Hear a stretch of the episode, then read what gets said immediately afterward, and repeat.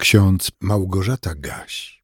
Dzisiaj jest poniedziałek, 29 maja 2023 roku.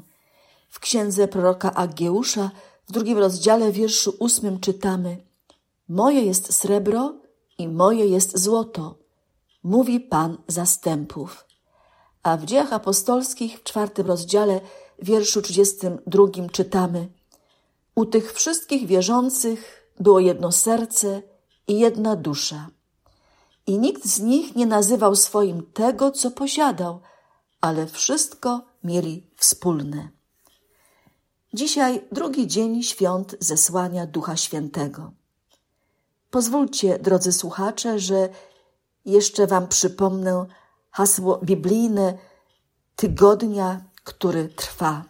Jest to słowo z księgi Zachariasza, czwarty rozdział, werset szósty. Nie dzięki mocy, ani dzięki sile, lecz dzięki mojemu duchowi to się stanie, mówi Pan zastępów.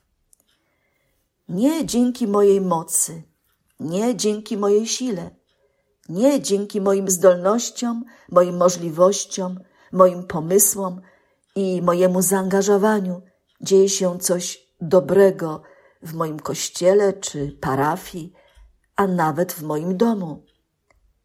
Tak, dobrze słyszycie. Nie głoszą herezji, bo to nauka biblijna, zapisana już w Starym Testamencie, a potem potwierdzona i uzasadniona przez samego Jezusa i jego apostołów. Warto studiować listy apostolskie i księgę dziełów apostolskich bo możemy w nich odkrywać ważne dla siebie wskazówki. To słowo Boga, zawarte na przykład w dziejach apostolskich, może nas naprowadzić na właściwą drogę, właściwy tok myślenia. Dziś słyszymy werset 32 z czwartego rozdziału. U tych wszystkich wierzących było jedno serce i jedna dusza i nikt z nich nie nazywał swoim tego, co posiadał, ale wszystko mieli wspólne. O czym mowa? O kim mowa? Wiemy doskonale. Tak scharakteryzowany jest przez Łukasza, autora dzieł apostolskich, prazbór w Jerozolimie. Pierwszy chrześcijański zbór, który został powołany do życia w dzień zesłania Ducha Świętego. Mam nadzieję, że wszyscy znamy opis tego niezwykłego wydarzenia, jakie miało miejsce w Jerozolimie dziesięć dni po wniebowstąpieniu Jezusa. Jeżeli nie znamy lub nie pamiętamy, to zajrzyjmy do drugiego rozdziału dziejów apostolskich. A teraz pomyślmy przez chwilę, jak to było możliwe, że u tych wszystkich chrześcijan w prazborze jerozolimskim było jedno serce i jedna dusza? Oczywiście jest to metafora i poprzez takie określenie Łukasz chce nam powiedzieć, że wtedy zbór wyznawców Chrystusa tam w Jerozolimie był postrzegany jako społeczność ludzi, którzy stanowią jedno w Chrystusie swym Panu. Być jedno w Chrystusie oznacza okazywać szczerą miłość bliźniemu, a szczególnie domownikom wiary, czyli tym, którzy wspólnie ze mną tworzą jakiś chrześcijański zbór, kościół, parafię.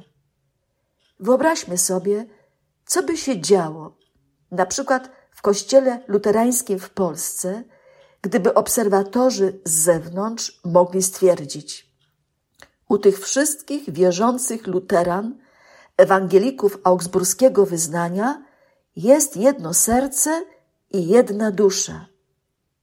Pomyślcie teraz, czy to jest możliwe? A być może twierdzicie, że to niemożliwe, że to utopia. Czy aby na pewno? Przecież faktem jest to, co się wtedy działo w jerozolimskim zborze. Bogaci sprzedawali swoje majątki, by podzielić się z biedniejszymi siostrami i braćmi w Chrystusie. Posłuchajmy fragmentu z dzieł apostolskich z czwartego rozdziału, wersety od 32 do 37. A u tych wszystkich wierzących było jedno serce i jedna dusza. I nikt z nich nie nazywał swoim tego, co posiadał, ale wszystko mieli wspólne. Apostołowie zaś składali z wielką mocą świadectwo o zmartwychwstaniu Pana Jezusa – a wielka łaska spoczywała na nich wszystkich. Nie było też między nimi nikogo, kto by cierpiał niedostatek. Ci bowiem, którzy posiadali ziemię albo domy, sprzedając je, przynosili pieniądze uzyskane ze sprzedaży i kładli u stóp apostołów i wydzielano każdemu, ile komu było potrzeba. I tak Józef, nazwany przez apostołów Barnabą, co się wykłada syn pocieszenia, lewita rodem z Cypru, sprzedał rolę, którą posiadał, przyniósł pieniądze i złożył u stóp apostołów. Dlaczego tak się działo? Moim zdaniem dlatego, że Duch Święty działał w nich i poprzez nich.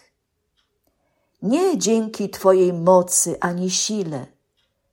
Tak może się dziać mówi Bóg przez usta proroka Zachariasza, ale dzięki mojemu duchowi.